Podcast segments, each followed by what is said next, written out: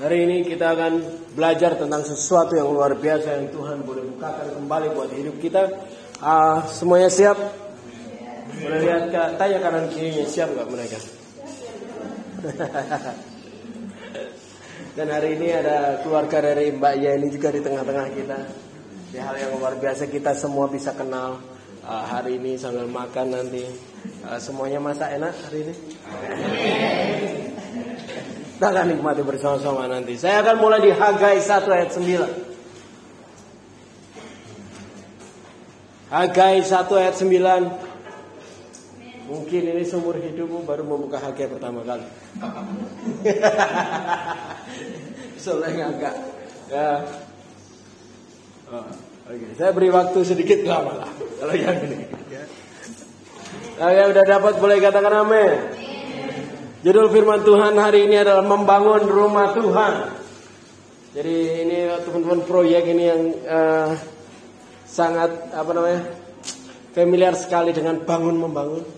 Kita akan bicara banyak tentang membangun hari ini. Hagai 1 ayat 9. Kamu mengharapkan banyak, tetapi hasilnya sedikit. Dan ketika kamu membawanya ke rumah, aku menghembuskannya. Oleh karena apa? Demikian firman Tuhan semesta alam. Oleh karena rumahku yang tetap menjadi reruntuhan. Sedang kamu masing-masing sibuk dengan urusan rumahmu sendiri. Wow, ayat ini Pak Giri ini membuka dengan ayat yang langsung anu ya. Agak keras sih, pelan-pelan dulu toh Pak. Siap naik roller coaster hari ini. Ya. Hagai adalah salah satu nabi yang dipakai Tuhan untuk menyatakan hati Tuhan terhadap umatnya waktu itu. Ya.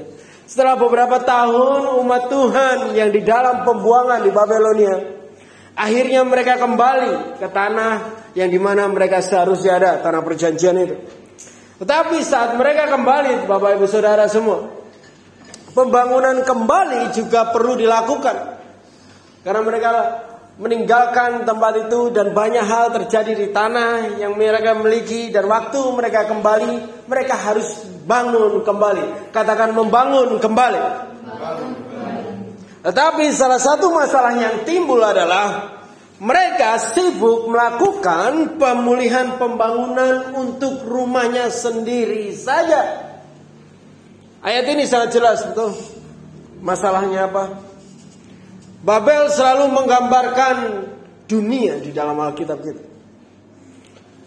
Dan ketika kita semua tahu bagaimana hidup di dunia itu. Ada yang nggak pernah tahu gimana hidup di luar Tuhan rasanya? Ada yang nggak pernah nyicipi hidup di luar Tuhan? Kita semua tahu, karena kita semua berasal dari sana. Amin. Hidup kita sebelumnya dikeluarkan uh, dari hidup kita sebelumnya kita dikeluarkan dan ditebus oleh Tuhan. Kita tahu hidup seperti apa yang dulu itu. Tapi pada akhirnya Tuhan pun mengeluarkan kita dari kehidupan itu. Dia mau kita hidup di tempat yang seharusnya kita hidup yang sudah dia janjikan. Begitu. Saat kita kembali alias kita keluar dari dunia dan kepada tempat di mana Tuhan mau kita ada, rasanya luar biasa. Amin. Kita keluar dari dunia dan ada di dalam anugerah Tuhan. Siapa yang setuju rasanya luar biasa? Ya. Rasanya sungguh indah. Itu. Karena kita kembali ke tempat yang seharusnya memang kita ada di situ. Tempat di mana Tuhan sudah miliki bagi kita sejak semula. Tetapi kita perlu membangun kembali kehidupan kita di tempat itu karena sudah terlalu lama kita di dunia. Sudah terlalu lama di dunia? Sudah lama sekali. Tapi apa yang terjadi? Kita fokus terhadap pembangunan hidup kita pribadi saja. Dengan kata lain, saat kita kembali kepada Tuhan, kita berekspektasi bahwa Tuhan akan memberkati kita terus. Dan fokus terhadap berkat untuk kita, untuk diri ini, fokus terhadap pembangunan diri kita saja. Tetapi yang kita lupa adalah pembangunan kehidupan Tuhan di dalam hidup kita. Kita nggak peduli Tuhan ada, yang penting Tuhan berkati. Ayat ini menyatakan masing-masing sibuk dengan urusan rumahnya sendiri. Tidak salah untuk menantikan berkat Tuhan. Garis bawah itu. Tidak salah. Ya. Tapi kalau kamu ngejar berkat tanpa Tuhan dibangun di dalam hidupmu itu yang keliru. Ngejar keuntungan diri sendiri aja, tapi Tuhan tidak dirindukan. Berkatnya dirindukan Tuhan yang orang.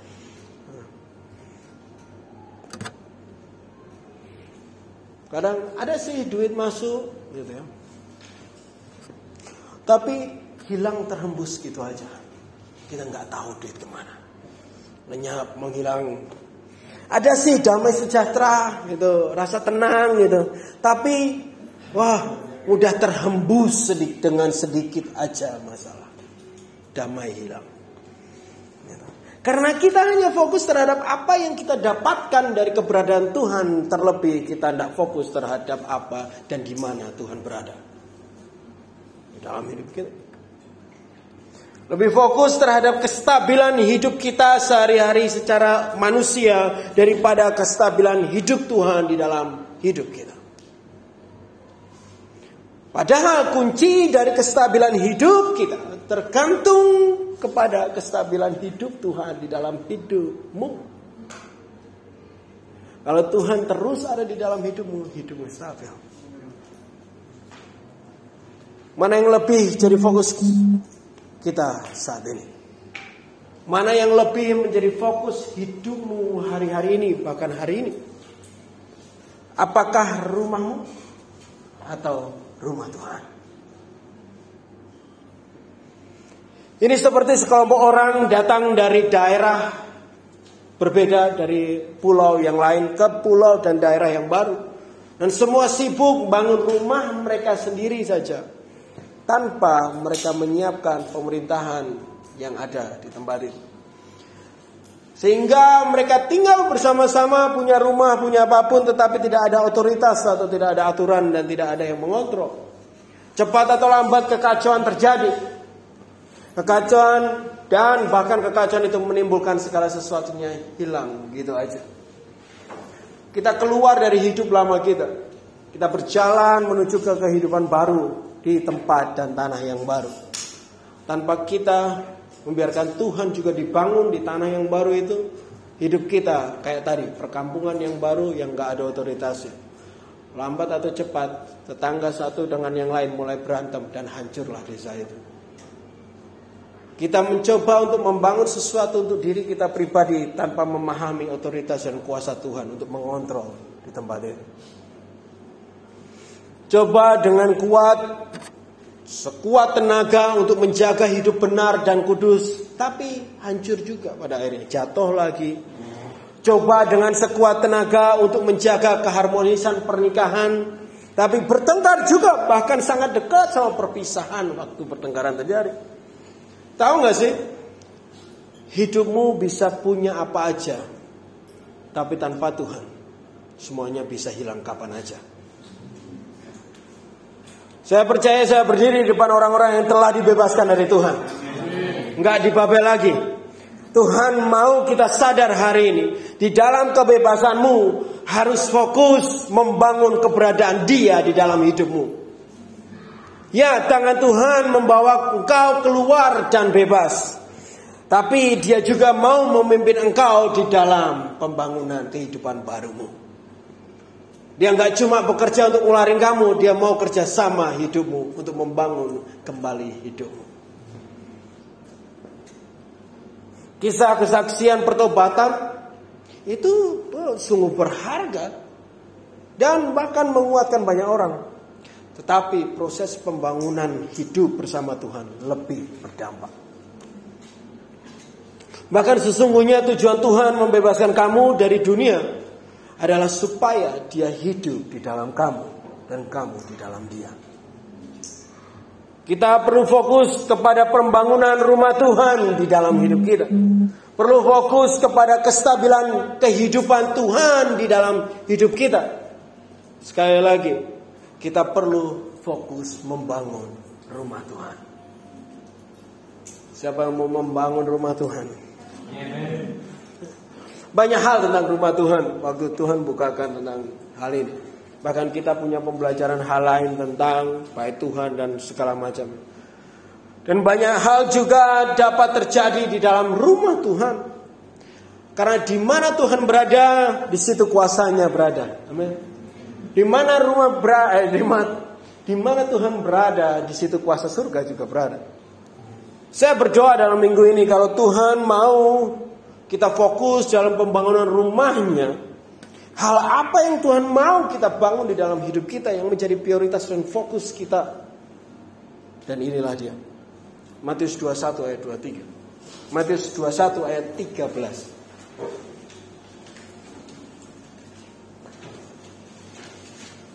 Apa tentang rumah Tuhan yang Tuhan mau ingatkan kita hari ini?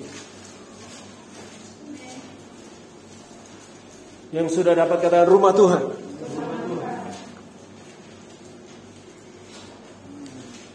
dan berkata kepada mereka ada tertulis rumahku akan disebut rumah doa tetapi kamu menjadikannya sarang penyamun sarang pencuri sarang pencari keuntungan diri sendiri cerita ini adalah saat Tuhan mendatangi bait Tuhan pada waktu itu dan kenyataan yang dia lihat bukanlah apa yang seharusnya terjadi di situ setiap orang di dalamnya mencoba untuk mendapatkan keuntungan mereka sendiri. Ini catat baik-baik. Nggak ada di catatan saya. Tapi Tuhan bukan marah tentang jualannya. Ada yang menerjemahkan ini yang membuat terus orang Kristen jangan berdagang. Karena Tuhan nggak suka. Enggak. Yang Tuhan marah adalah waktu itu waktu hari raya. Sehingga orang Yahudi harus datang dan membawa persembahan mereka. Di dalam Taurat ketika mereka di luar Yerusalem, mereka bisa menukarkan duit. Jadi kan mereka membawa persembahan sepersepuluh dari apa yang mereka hasilkan. Kalau mereka petani, mereka harus bawa hasil gandumnya sepersepuluhnya ke Yerusalem. Nah kalau banyak itu sulit bawanya. Kalau mereka ternak kambing atau domba, kalau mereka punya 100 terus melahirkan lagi 50 hampir sepersepuluhnya dibawa ke Yerusalem. Nah, Taurat juga menulis itu kalau engkau punya seperti itu, kamu bisa ditukarkan dulu, dijual dulu, habis itu waktu di Yerusalem dibeli lagi. Nah, waktu itu terjadi, mereka itu malahan menjualnya dengan harga yang lebih tinggi. Ada mata uang dihitung lebih tinggi di bait Tuhan untuk beli barang yang mereka mau persembahkan. Jadi orang-orang yang berdagang meng, mengambil kesempatan untuk dapat uang lebih banyak. Karena mau nggak mau, seorang Yahudi dari luar kota ini harus beli.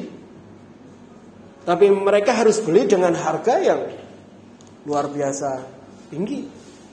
Itu yang Tuhan marah. Bahkan di ayat lain dia dikatakan Tuhan sudah mengamat-ngamati sambil siapin cambuk.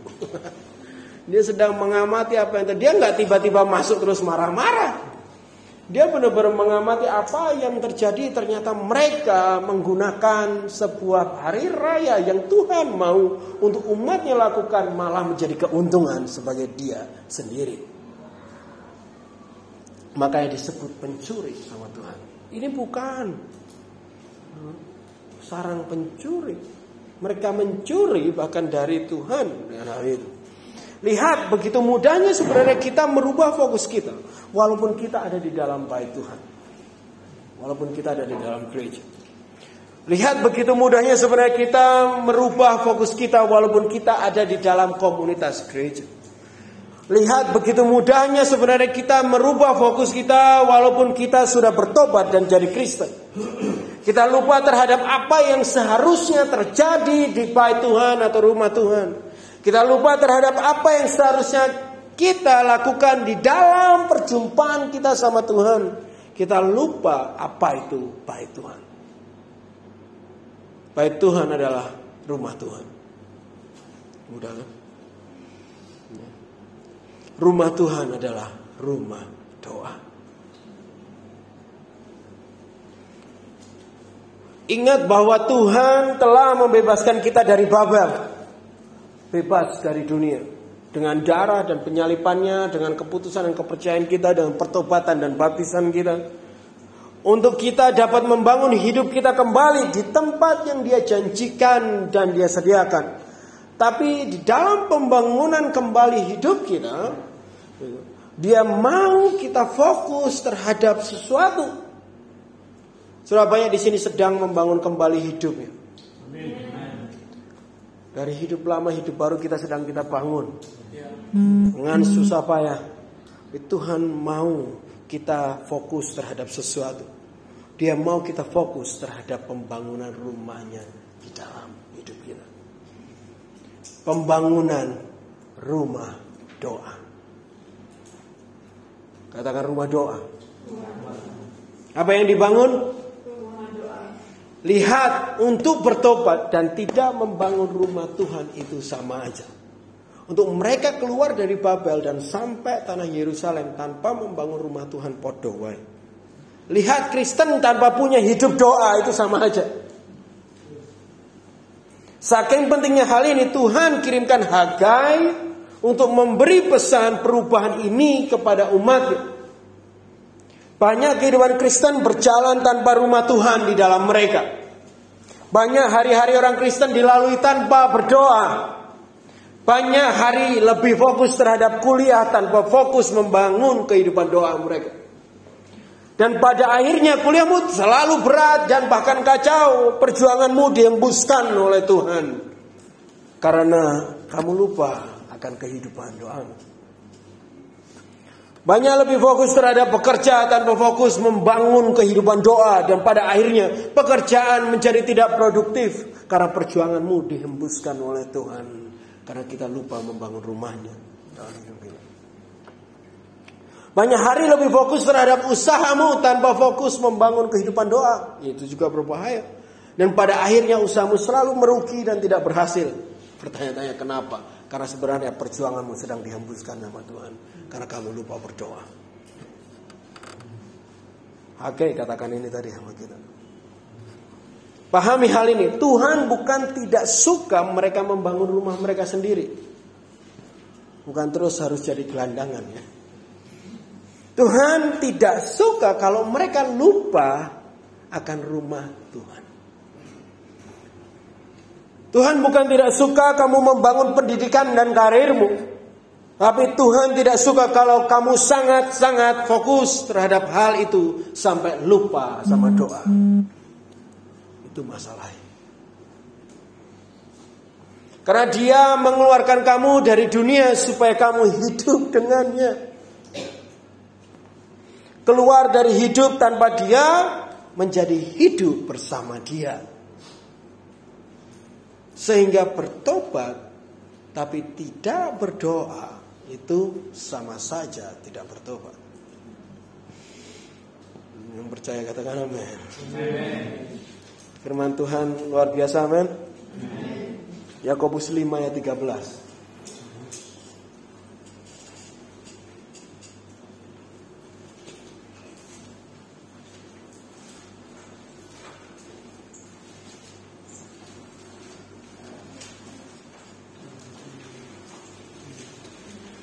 Yakobus 5 ayat 13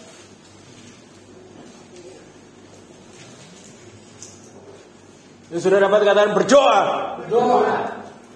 Dari bahasa aslinya ini hal yang menarik tapi saya akan bacakan dulu.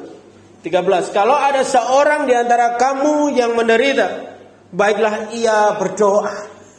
Amin. Kalau ada seorang yang bergembira, baiklah ia bernyanyi. Dari bahasa aslinya kata menderita di sini juga diartikan susah. Sesungguhnya hidup tidak akan pernah mudah. Setuju? Tapi dalam kesulitan itu berdoalah. Berdoalah. Pernah membangun sesuatu atau membuat sesuatu teman-teman? Entah buat pesawat dari kertas kayak atau mungkin membangun rumah kayak mereka novel dan soleh. Gitu. Hal banyak yang lain. Sebelum kamu membuat sesuatu, kamu mulai sudah mikirin dulu biasanya. Gitu. Oh nanti begini, terus gini, uh, nanti gitu, terus. Uh, Tapi saat rencana itu dilakukan ternyata tidak semudah itu. so, lebih sulit ternyata gitu kan. Lebih berat ternyata atau malah ternyata hasilnya nggak kayak yang dipikirin akan dihasilkan gitu kan. Padahal rencananya semua dilakukan.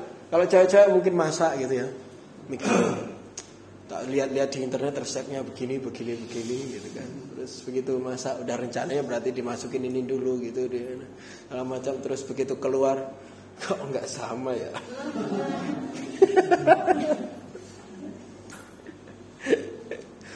Kamu mencoba hidup kudus gitu ya. Yang single-single mungkin atau yang menikah tapi tidak pernah berhasil. Berdoalah. Kamu mencoba mengatur keuangan sedemikian rupa tapi tidak berhasil. Mungkin kamu perlu berdoa sebelum merancangkannya. Kamu mencoba berhenti dari kebiasaan buruk, tapi balik terus. Nggak bisa. Mungkin kamu perlu berdoa. kamu mencoba menjaga keharmonisan pernikahan dan keromantisan. Wah, cie. Tapi tidak berhasil. Ya. Karena kamu lupa berdoa. Ya, kamu lebih baca quote-quote asmara daripada berdoa. Ya. Latihannya malah latihan ngegombal bukan latihan berdoa itu masalahnya. Ya. Mencoba mendidik anak tapi tidak berhasil. Berdoa.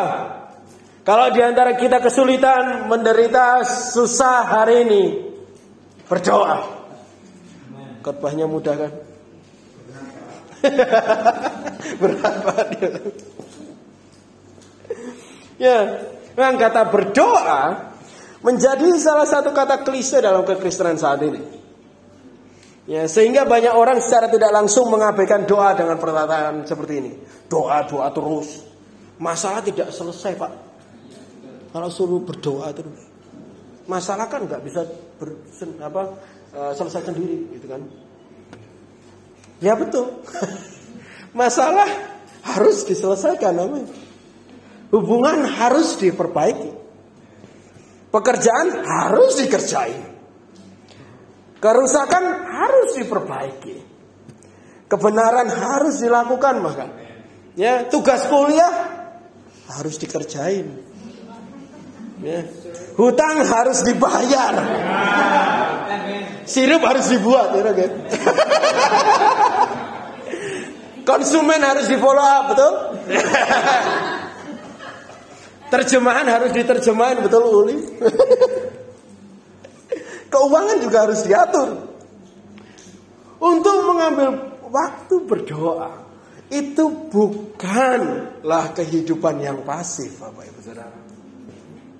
Kamu salah ngertiin doa berarti kalau kamu masih kayak gitu.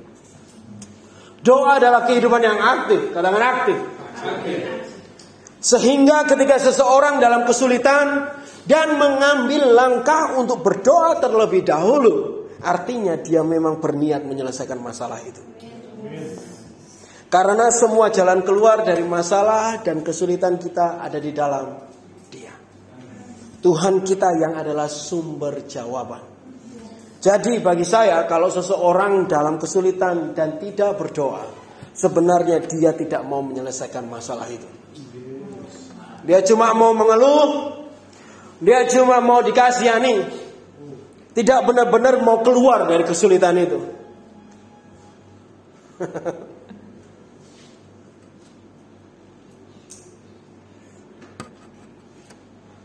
Untuk mengambil doa, waktu berdoa, kamu tetap harus melakukan sesuatu terhadap kesulitan yang kamu alami.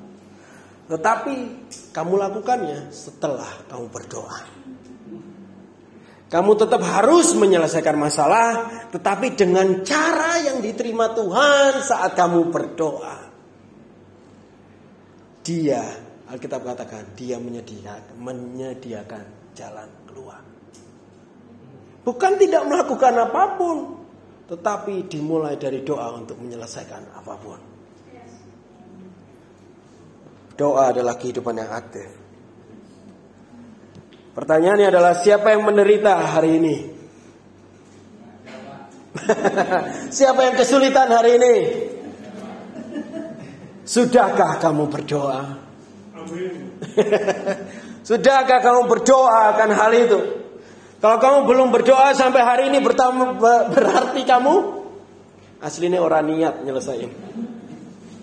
Itu bahasanya ada as, gimana bahasa Indonesia ini? Sebenarnya kamu nggak niat untuk menyelesaikan masalah itu. Karena sebenarnya apa pun yang kita lakukan tidak akan menyelesaikan. Kita perlu Tuhan untuk ajari kita menyelesaikannya. Jadi tanpa berdoa sebenarnya masalah kita tidak selesai. Kalau kamu belum berdoa sampai hari ini berarti kamu sebenarnya tidak berniat untuk keluar dari penderitaan dan kesulitan itu atau masalah itu. Jadi berdoalah. Ngomong kanan kirinya berdoa.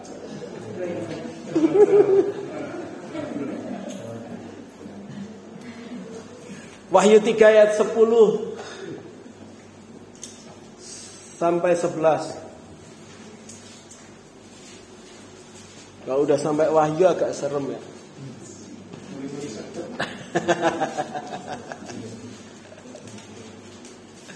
Amen. Yang sudah dapat katakan amin. Wahyu 3 ayat 10 sampai 11. Karena engkau menuruti firmanku untuk tekun menantikan aku, maka aku pun akan melindungi engkau dari pencobaan yang akan datang atas seluruh dunia untuk mencobai mereka yang diam di bumi. Aku datang segera. Peganglah apa yang ada padamu supaya tidak seorang pun mengambilnya daripadamu. Berdoa juga menunjukkan karakteristik seseorang, teman-teman. Orang yang berdoa adalah mereka yang tekun menantikan Tuhan. Orang yang tidak gegabah dalam mengambil langkah, bahkan pada waktu yang sempit. Orang yang tidak bodoh untuk mengambil keputusan seadanya aja dan semaunya aja. Karena saat kamu menantikannya, saat kamu berdoa, Tuhan akan bertindak. Dia bertindak dengan menuntun kamu melakukan apa yang benar, bukan apa yang kamu sukai. Itu masalahnya. Karena kita suka melakukan apa yang kita suka lakukan, tapi yang Tuhan suruh lakukan bukan apa yang kita suka lakukan. Membangun rumah Tuhan Membangun rumah doa sama dengan membangun ketergantunganmu kepada Tuhan.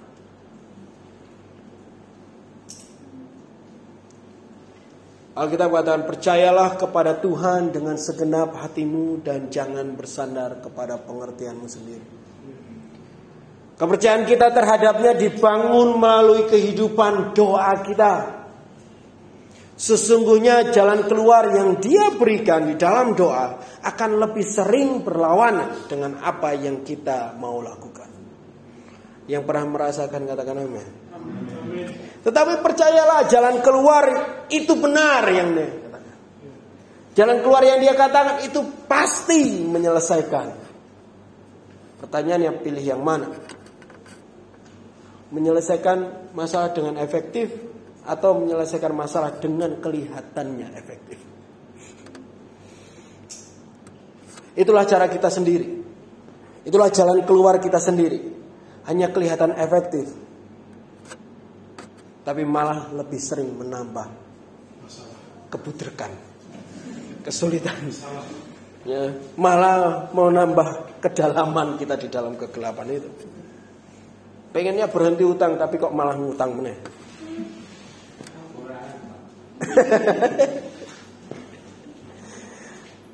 Tapi kalau kamu ambil langkah itu, pada akhirnya kamu tidak menyelesaikan, menyelesaikan masalah itu, malah kamu lebih sering tinggal dalam-dalam di kehidupan yang bahkan tidak berhubungan sama Tuhan. Pada akhir bagian ayat ini dikatakan gini.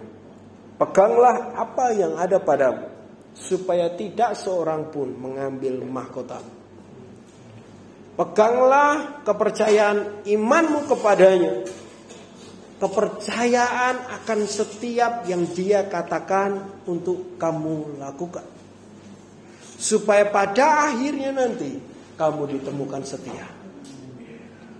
Supaya pada akhirnya nanti kita tetap percaya. Supaya pada akhirnya nanti kita tetap berdoa. Bangunlah kehidupan Kristenmu dengan membangun rumah Tuhan dalam hidupmu. Bangunlah kepercayaanmu kepadanya dengan membangun kehidupan doamu. Siapa yang masih bergumul untuk percaya kepada Tuhan sampai hari ini? Kau percaya dia juru selamat? Bukan itu maksud saya. Percaya jalan keluar yang dia kasih. Percaya cara yang dia kasih. Percaya langkah yang dia mau kita ambil. Percaya kondisi yang dia biarkan kita di dalam. Kalau engkau masih bergumul di situ, mungkin kamu cuma kurang berdoa saja. Nantikanlah waktu Tuhan Nantikanlah cara Tuhan. Nantikanlah tindakan yang harus kamu lakukan dari Dia. Tuhan kita yang berkuasa. Nantikanlah Dia. Karena itu firman yang Tuhan berikan untuk kamu bertekun menantikan Dia. Bahasa mudahnya firman yang Dia sedang berikan ke kita adalah supaya kita tekun berdoa. Untuk tahu apa yang perlu kita kerjain. 2 Tawarik 7 ayat 14.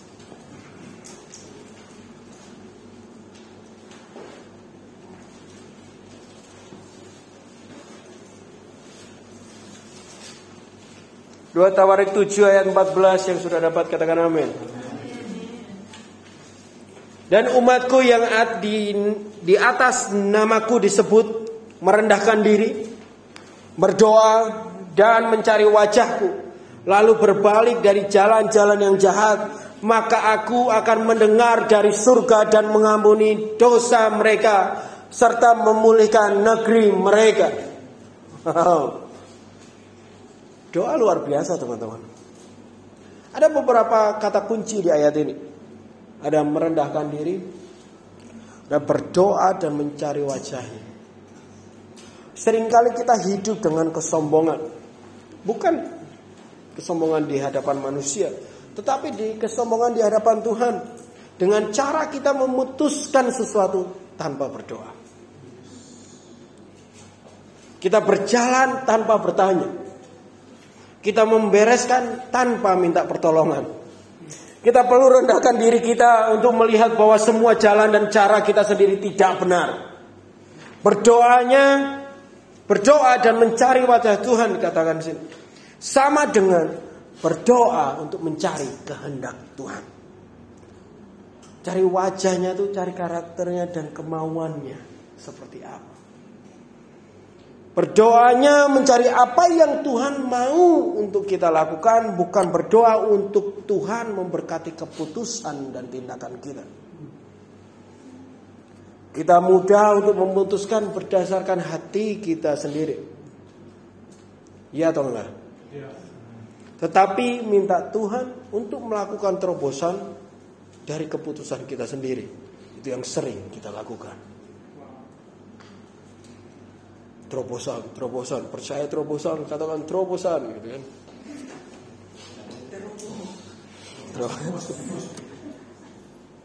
Dengan rendah hati, ayat ini dikatakan berdoa mencari kehendak Tuhan. Yang sedang saya katakan tentang berdoa ini adalah bicara tentang kehendak Tuhan yang diberitahukan kepada kita. Mencari apa yang Tuhan mau untuk kita lakukan. Apa yang Tuhan mau kita belajar dari situasi yang sedang kita hadapi. Apa yang Tuhan mau kita lihat dari kesulitan yang sedang kita hadapi. Kehendak Tuhan haruslah menjadi apa yang kita cari saat kita berdoa. Katakan kehendak Tuhan. Itulah yang harus kita cari waktu kita berdoa.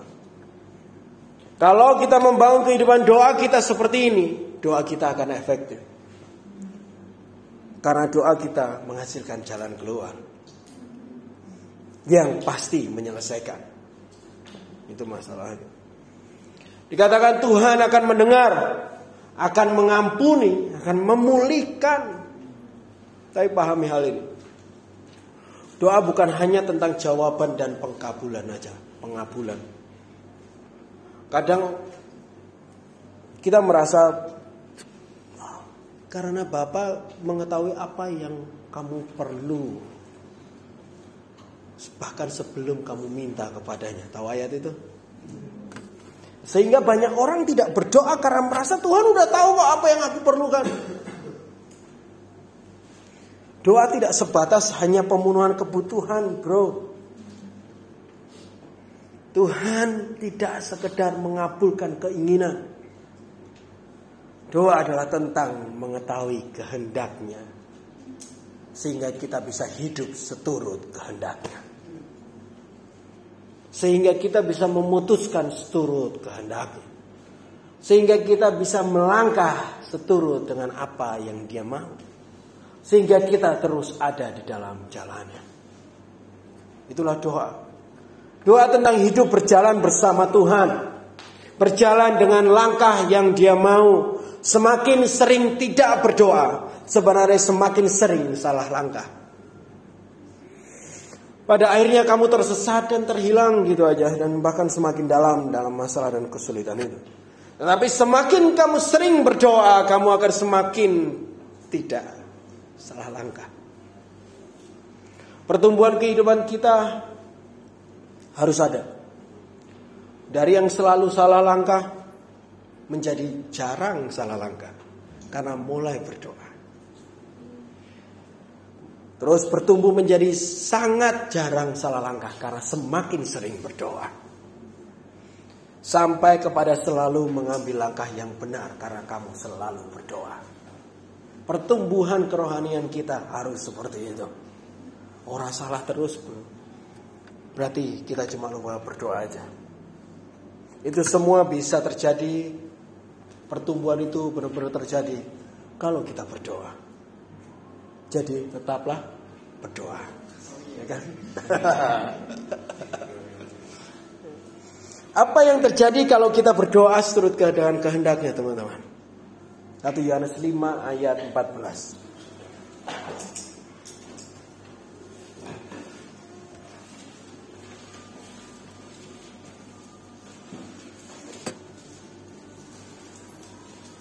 1 Yohanes 5 ayat 14. Sudah dapat katakan amin. Dan inilah keberanian percaya kita kepadanya yaitu bahwa ia mengabulkan doa kita. Jikalau kita meminta sesuatu kepadanya menurut Teori yang banyak orang Kristen tahu adalah jawaban doa Tuhan ada tiga. Pernah dengar itu? Ya, tidak, atau belum. Nah, nanti. Tahu nggak sih tiga opsi jawaban ini hanya terjadi untuk mereka yang berdoa dengan keinginannya sendiri. Tiga opsi jawaban Tuhan itu hanya terjadi untuk mereka yang berdoa dengan kehendaknya sendiri. Kata mengabulkan di sini sering juga diterjemahkan menjadi mendengar. Dan kata dasar dalam bahasa aslinya memang mendengar. Tetapi bagi kita kata mendengar bisa menjadi beberapa arti. Mendengar saja, benar-benar cuma dengerin. Atau mendengar dan melakukannya. Nah kata yang dipakai dalam ayat ini adalah artinya yang adalah mendengar dan melakukannya. Jadi kalau mau diubah di ayat ini sedikit bahwa dengan arti yang sesungguhnya bahwa kalau kita berdoa menurut kehendaknya dia akan mendengar dan melakukannya.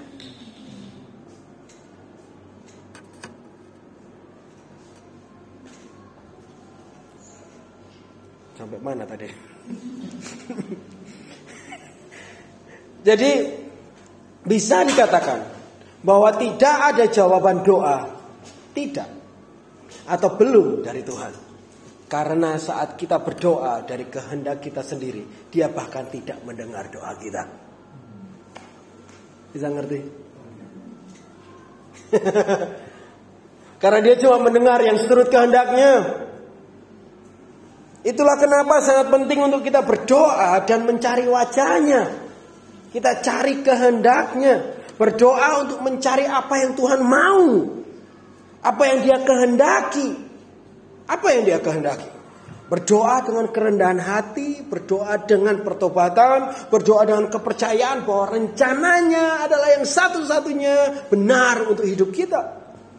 Ketika kita berdoa dengan kepercayaan tiga jawaban tadi, ya, tidak, atau belum. Kita akan memperlakukan kehidupan doa kita seperti seseorang yang sedang mengajukan proposal kegiatan. Siapa yang pernah membuat proposal kegiatan atau program atau proyek gitu ya. Ya. Saya ajak teman-teman menyadari sesuatu. Kita isi proposal itu, ya kan, dengan semua rancangan kita. Dari latar belakang kenapa kegiatan itu harus dilakukan. Ada teori dasarnya apa? Ada tujuan dan sasaran. Ya. Ada rencana tindakannya kebutuhannya ada gitu kan dan biayanya semua terus di akhir ada lembar tanda tangan persetujuan ya disetujui atau tidak kita berdoa tanpa sadar kita mencari persetujuan Tuhan bukan kehendaknya contohnya ini Tuhan aku kan single nih Umur juga udah cukup. Ada latar belakang di situ. kan engkau mau melahirkan generasi Tuhan. Ada teorinya di situ.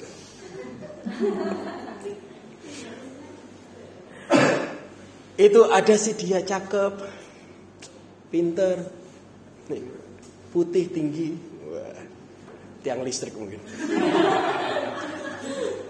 ada tujuan dan sasaran. kan? Aku mau deketin dia, mau chat setiap hari. Mungkin juga jangan setiap hari deh kalau supaya lebih dekat. Ada rencananya, ya kan? Wah. Jadi aku butuh HP yang lebih canggih kayak itu kan. Aku butuh baju yang baru. Mungkin aku butuh ke salon. Ada kebutuhannya di situ, ya kan? Ada biaya. Sehingga aku butuh uang Tuhan untuk ngelakuin itu. Nah, terus di akhir dari lembar itu ada Aku percaya engkau Tuhan yang setia dan Tuhan yang berkuasa ada permohonan persetujuan di situ. Langsung amin. kan masa ada doa kita kayak proposal. Terstruktur bahkan seperti makanya harusnya kalian nggak susah buat skripsi. Karena kalian sudah biasa buat proposal. Tinggal dibuat dalam lembar yang banyak aja. ya, Waktu aku nulis ini aku ya ketawa-ketawa dewi juga. Lucu juga ya. Ada contoh lain. Tuhan, kalau ini lebih luar biasa rohani. Terima kasih sudah menolong untuk menyelesaikan kuliahku. Setelah kuliah aku perlu bekerja. Ada latar belakang ceritanya. Aku tahu engkau rindu untuk umatmu terus bekerja dan hidup mandiri. Dan dapat membantu orang lain teorinya ada.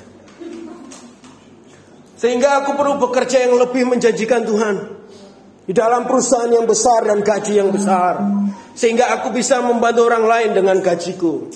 Ada tujuan dan sasarannya. Aku mau keluar Jogja Tuhan. Mungkin ke Jakarta atau Surabaya. Rencananya ada di situ. Jadi aku butuh biaya untuk pindah kota dan mulai hidup di sana kebutuhan mulai didaftarkan di situ. Pada akhirnya lembar persetujuan pun keluar. Aku percaya Tuhan yang setia dan Tuhan yang berkuasa. Minta persetujuan dari sini. Latar belakang dari kenapa kita berdoa bahkan tidak terlalu kadang tidak terlihat salah.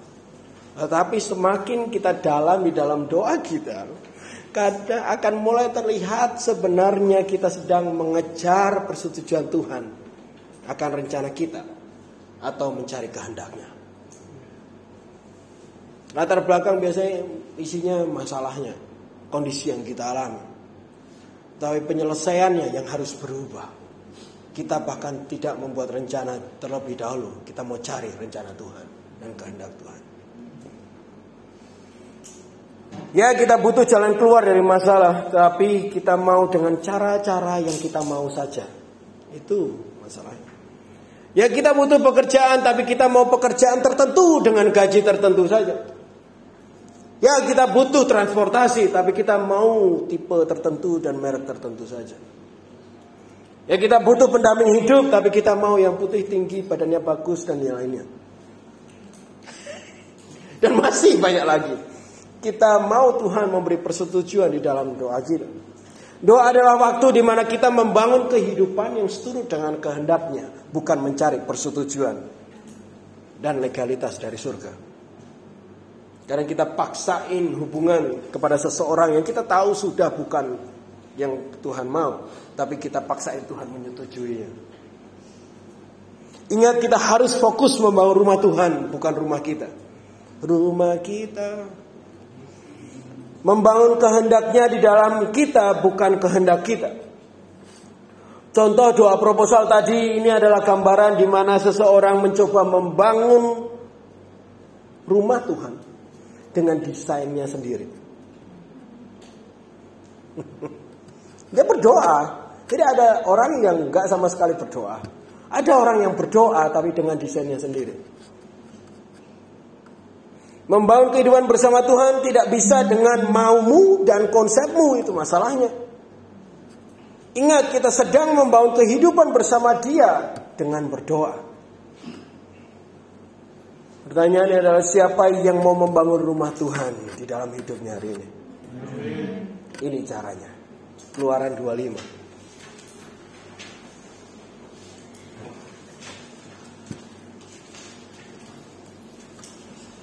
Siapa yang udah lapar?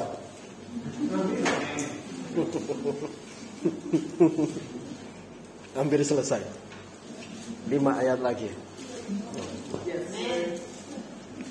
Keluaran 25 ayat 2 dan 8. Jadi 2 dan 8 loncat ya. Katakanlah kepada orang Israel supaya mereka memungut bagiku persembahan khusus dari setiap orang yang terdorong hatinya haruslah kamu pungut persembahan khusus kepadaku itu. Oh, Tuhan nyuruh Musa minta persembahan. Tapi untuk apa? Ayat 8. Dan mereka harus membuat tempat kudus bagiku supaya aku diam di tengah-tengah mereka. Jadi persembahan yang diambil dari seluruh umat itu untuk membangun keberadaan Tuhan di tengah mereka. Waktu itu Tuhan mengarahkan umatnya untuk membangun kemah suci dan dia bisa bertemu dengan umatnya, umatnya bisa ketemu sama dia di situ. Tetapi Tuhan meminta mereka untuk membangunnya dengan cara yang unik. Kira-kira Tuhan bisa nggak sih langsung turun ke dunia buat tempatnya sendiri? Bisa banget. Tapi dia minta umatnya untuk berkorban untuk hal itu. Dia meminta mereka memberikan persembahan untuk membangun rumah Tuhan. Katakan persembahan. Persembahan juga diarti, diartikan sebagai pengorbanan. Katakan pengorbanan. Semua orang diminta untuk mempersembahkan hal-hal tertentu. Kalau teman-teman baca lagi di ayat sebelumnya ada kain, ada apa banyak sekali. Ya. Hal-hal tertentu untuk membangun rumah Tuhan. Jadi rumah Tuhan akan terbangun dari persembahan dan pengorbanan di, yang dilakukan oleh umatnya.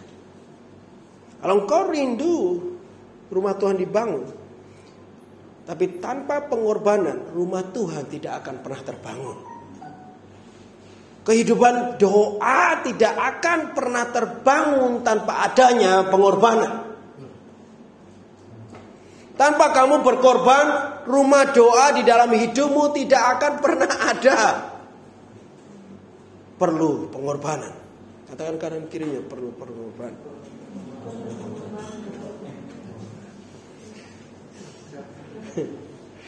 Mau punya rumah Tuhan dalam hidupmu? Tapi kalau tidak pernah memberikan waktu untuk berdoa, tidak akan pernah terjadi. Hal ini dapat diterjemahkan menjadi dua aspek. Umat Israel di mata Tuhan adalah menjadi satu kesatuan seperti satu orang di mata Tuhan. Jadi satu pribadi, satu orang, walaupun mereka banyak. Untuk membangun rumah Tuhan di dalam Israel, di dalam orang itu, mereka perlu berkorban. Untuk membangun kehidupan doa di dalam kehidupan pribadimu, kau perlu berkorban secara pribadi. Pengorbanan mungkin waktu tidurmu, waktu main, waktu makan. Biasanya makan dua jam, ya 15 menit aja deh. Waktu yang lainnya berkorban untuk membangun rumah Tuhan. Hal ini juga dapat dilihat dalam bentuk kelompok. Sebagai bangsa Israel. Setiap orang di dalam bangsa itu berkontribusi untuk berkorban untuk pembangunan rumah Tuhan bagi bangsa supaya rumah Tuhan terjadi di tengah-tengah bangsa itu. Setiap orang di komunitas ini berkorban untuk berkontribusi di dalam doa jemaat bersama-sama untuk membangun rumah Tuhan di dalam komunitas ini. Jam 8.30 saya rasa bukanlah waktu yang terlalu pagi. Cuma dikit ini. Saya rasa jam 8.30 bukan waktu yang terlalu pagi. Tetapi setiap orang harus berkorban untuk hadir tepat waktu. Dan berdoa bersama-sama untuk bagian yang kita perlu doakan. Dan tidak hanya datang, semua harus berkorban pikirannya untuk fokus, mulutnya untuk berbicara, hatinya untuk mengarah ke Tuhan, untuk berkontribusi di dalam doa. Kita tidak ke sini untuk duduk satu jam di dalam acara doa. Kamu di sini 8.30 untuk berdoa bareng-bareng. Ya. Dan apa yang terjadi di akhir cerita ini? Rumah Tuhan terbangun. Israel pada akhirnya mereka berkontribusi dan rumah Tuhan terbangun. Rumah Tuhan harus terbangun dalam kehidupan pribadi dan kehidupan bersama-sama. Di kehidupan sehari-harimu sendiri dan di dalam komunitas Tuhan, dalam gereja Tuhan. Keduanya tidak boleh dilupakan. Tidak bisa cuma oh aku duduk sendiri kok di kamar dan tidak terlibat di dalam komunitas.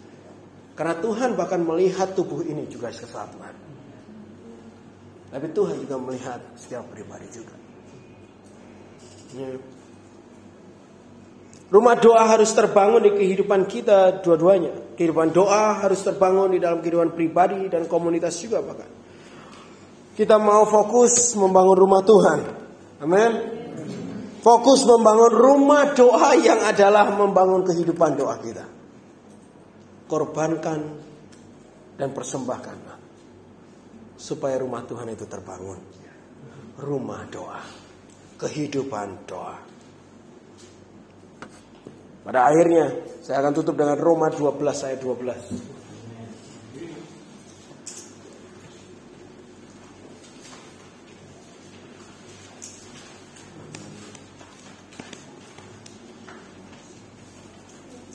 Bersukacitalah dalam pengharapan.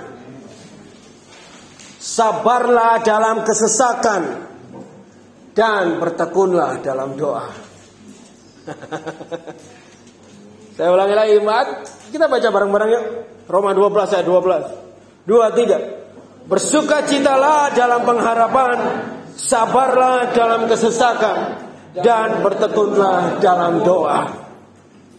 Mari terus dalam pengharapan kepada Dia Yesus Kristus Tuhan kita yang berkuasa dan sumber jawaban. Dalam kesesakan sekalipun kita mau terus bertekun di dalam doa. Terus bertekun di dalam doa. Tetaplah berdoa. Amin. Jadi kita mau menghidupi doa kita. Saya mau lihat di rumah cewek-cewek orang mulai berdoa. Rumah cowok-cowok punya kehidupan doa. Setiap rumah tangga punya kehidupan doa. Ya. Kita bersama-sama kehidupan doa. Karena di situ rumah Tuhan berada, di situ Tuhan berada. Mari kita bangun rumah Tuhan. Saya undang kita semua bangkit berdiri.